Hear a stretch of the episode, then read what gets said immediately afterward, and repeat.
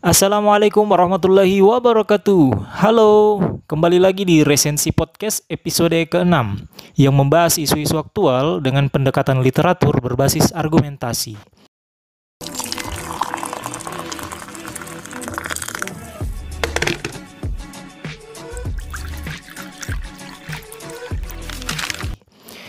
Tema yang kita usung hari ini yaitu Benarkah jihad menghalalkan darah orang lain? Dan buku yang saya gunakan untuk membedah tema itu adalah buku dari Agus Mustafa, yaitu serial diskusi tasawuf modern yang berjudul Beragama dengan Akal Sehat.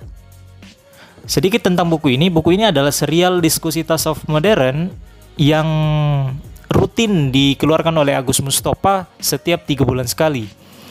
Satu atau dua buku atau dua judul per tiga bulan. Nah kebetulan ini adalah buku yang ketiga kedua puluhnya yang ditulis oleh Agus Mustafa. Uh, buku ini diterbitkan oleh Patmat Press Surabaya pada tahun 2008. Buku ini terdiri dari 264 halaman dan 6 bab pembahasan. Secara berturut-turut, agama versus dogmatisme, agama versus liberalisme, agama versus ateisme, agama versus spiritualisme, agama versus sains, dan agama adalah akal sehat. Sedikit tentang Agus Mustafa. Agus Mustafa adalah lulusan Fakultas Teknik Nuklir Universitas Gajah Mada Yogyakarta. Ia juga mantan wartawan koran Jawa Pos. Tipikal pemikiran yang unik pada dirinya yang disebut sebagai tasawuf modern merupakan perpaduan antara ilmu tasawuf dan sains. Menurut saya, ini adalah salah satu bentuk tafsir kekinian untuk memahami Al-Quran. Saya. Oke, kita langsung saja masuk ke dalam buku-bukunya. Ada enam tema dan kita akan bahas per, uh, ada enam bab maksud saya dan kita akan bahas berbabnya. Pertama, agama versus dogmatisme. Entah sejak kapan Islam dibelenggu oleh dogmatisme, padahal Al-Quran itu tidak pernah mengajarkan dogmatisme. Dan Rasulullah SAW pun tidak pernah meneladankannya.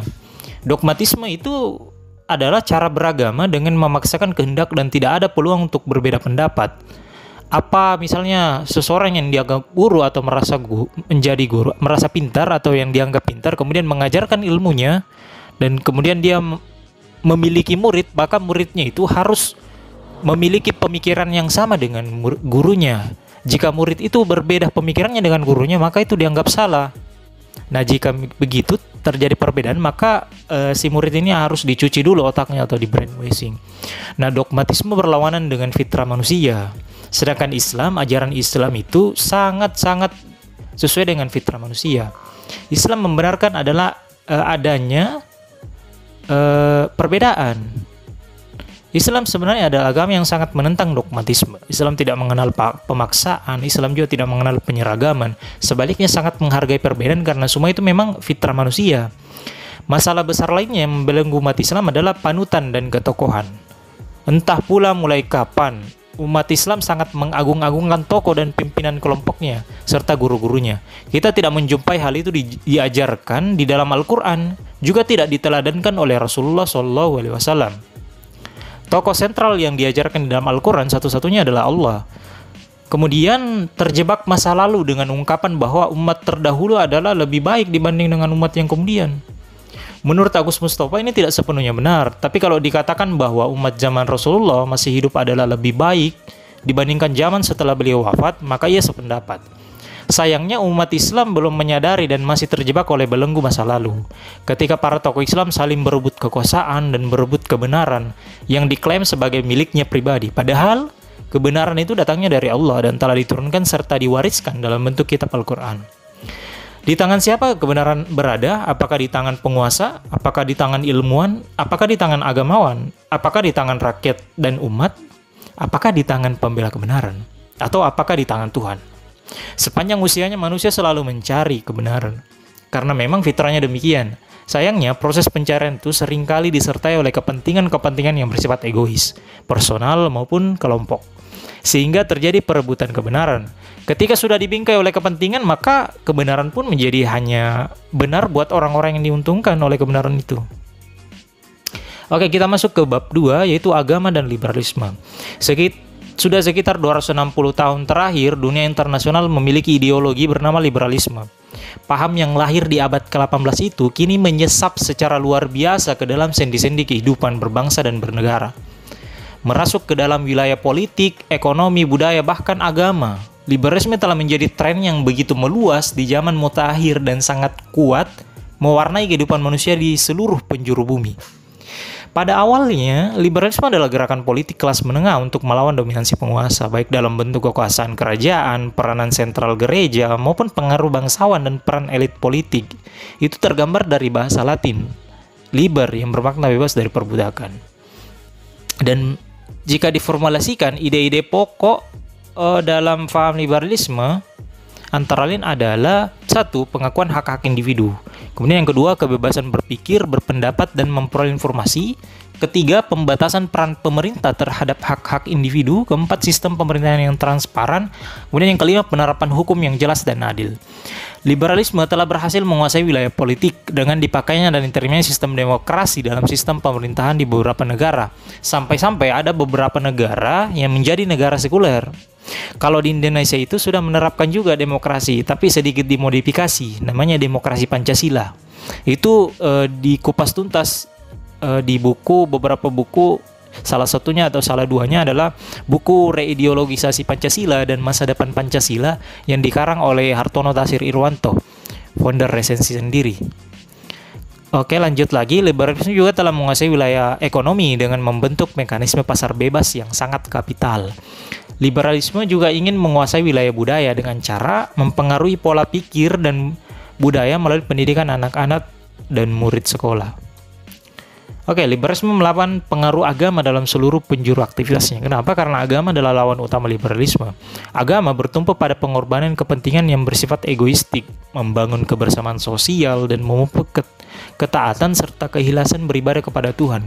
Sebaliknya, liberalisme justru bersandar pada kebebasan, keserakan pribadi, membangun kepentingan individu-individu, serta memupuk aktivitas-aktivitas berdasar hitung-hitungan untung rugi secara ekonomi. Jadi sangat duniawi sekali. Sedangkan agama itu sangat uh, akhirat sekali begitu.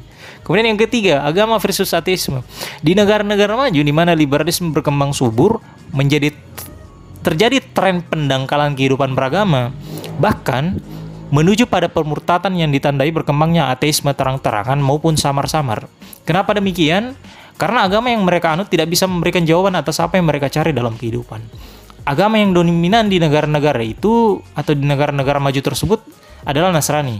Dan kalau Anda baca dalam berbagai media, Anda akan memperoleh data bahwa agama Nasrani semakin ditinggalkan di negara-negara tersebut.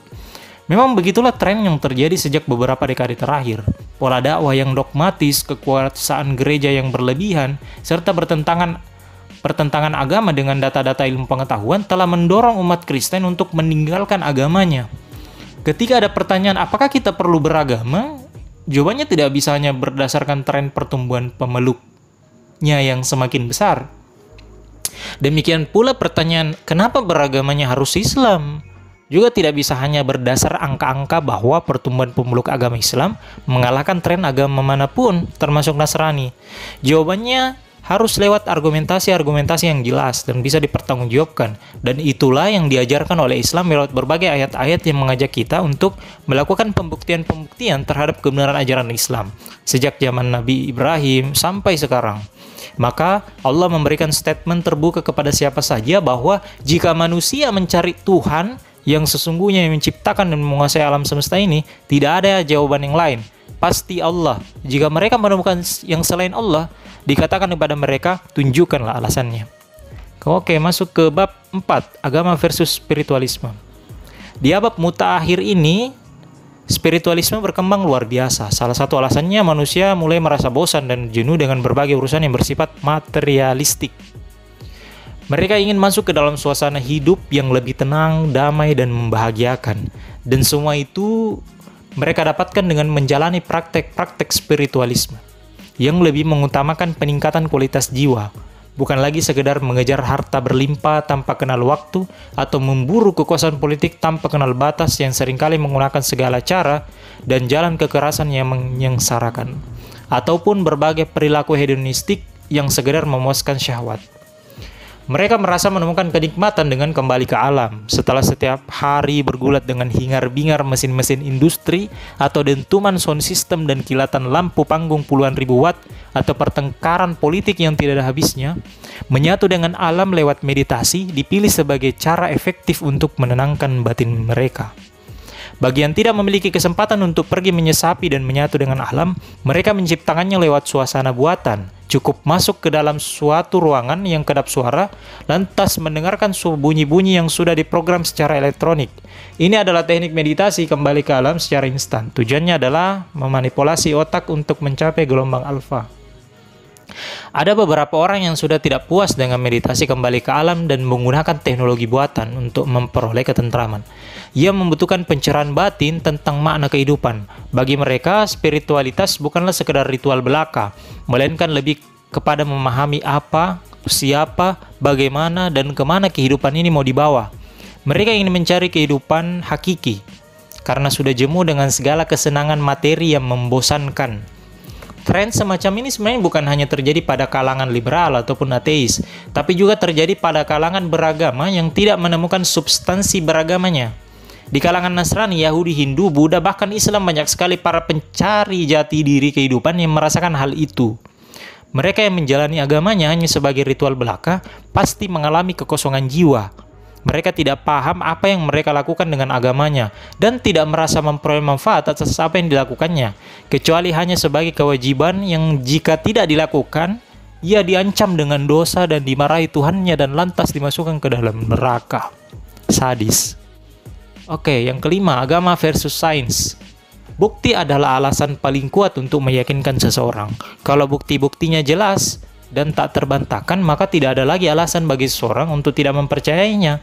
Maka jangan heran di era modern yang berbasis pada sains dan teknologi ini, kita sering berhadapan dengan orang-orang yang meminta bukti-bukti atas kebenaran sesuatu. Jika tidak terbukti, mereka akan menganggapnya sebagai omong kosong belaka, termasuk dalam beragama. Siapakah yang mewajibkan kita untuk belajar agama dimulai dari keyakinan? Sedangkan belajar sains dimulai dari keraguan. Belajar apa pun awalnya pasti berangkat dari keraguan. Setelah ragu, kalau muncul benar, akan muncul kepercayaan. Setelah percaya, kalau ada bukti kuat, barulah muncul keyakinan. Nah, di atas keyakinan itulah muncul keimanan, yakni yang saya yakin-yakinnya. Atau hakul yakin. Proses, proses yang demikian muncul dalam bidang apa saja. Tidak ada bedanya antara agama dan sains. Siapa bilang menjalani agama harus dimulai dengan keyakinan? Jangankan kita, orang biasa, Nabi Muhammad saja sempat ragu-ragu terhadap wahyu yang diterimanya. Benarkah itu wahyu atau sekedar halusinasi? Akan tetapi sebenarnya ilmu pengetahuan itu sains maupun agama tidak selalu berangkat dari keraguan-raguan. Bisa saja berangkat dari keyakinan dan kemudian dibuktikan secara empirik dan bisa pula berangkat dari keingintahuan. Jadi secara substansial sebenarnya tidak ada pertentangan antara agama dengan ilmu pengetahuan alias sains, khususnya antara agama Islam dengan sains. Oke, yang terakhir, agama adalah akal sehat. Banyak yang rancu dalam memahami kecerdasan dan akal, dan kemudian membagi-bagi kecerdasan seseorang dengan kecerdasan intelektual, emosional, dan spiritual. Atau ada juga yang membaginya sebagai kecerdasan otak dan hati atau kecerdasan lahir dan batin. Islam sebagai agama benar-benar membuka diri untuk menjadi agama penyelamat peradaban manusia yang kini sudah terlihat semakin amburadul. Kekacauan yang disebabkan oleh orang-orang di luar Islam yang serakah dan mementingkan diri sendiri dan juga oleh orang-orang Islam yang tidak mengerti ajarannya sendiri. Kedua-duanya adalah sumber bencana dalam kehidupan manusia. Sekarang waktunya untuk mengajak umat manusia melakukan dialog secara terbuka. Jangan lagi memaksa-maksakan kehendak dengan keper keperkasaan militer, kekuatan ekonomi, dan kehebatan informasi. Semua itu hanya akan menghasilkan kemenangan semu yang sem sementara. Mereka yang kuat secara ekonomi boleh jadi akan menguasai dunia dengan kekuatan raksasanya, tapi mereka tidak akan pernah bisa langgengkan perbudakannya atas manusia dan memaksa orang-orang untuk bertekuk lutut di kaki kekuasaannya. Oke, teman-teman. Setelah panjang lebar saya jelaskan tadi dari isi buku dari Beragama dengan Akal Sehat, kita kembali lagi ke tema, benarkah jihad menghalalkan darah orang lain, teman-teman? Tidak. Jawabannya tidak. Karena jihad yang sesungguhnya ya jihad sesuai dengan aturan main yang dituliskan dalam Al-Qur'an. Jadi sebenarnya jihad itu penting uh, di era sekarang tapi uh, perlu diingat bahwa jihad itu bukan asal-asal sesuai dengan apa yang dituturkan oleh ketua kelompok atau karena kita menerimanya sepintas sebagai sebuah perintah lantas mungkin karena ditafsirkan itu ada dalam Al-Quran tanpa kita melakukan penggalian lebih dalam lantas kita lakukan tanpa mencari tahu itu bisa jadi terjadi salah tafsir dan salah aksi sehingga menyebabkan apa yang dimaksudkan kita tentang jihad itu bisa salah arti.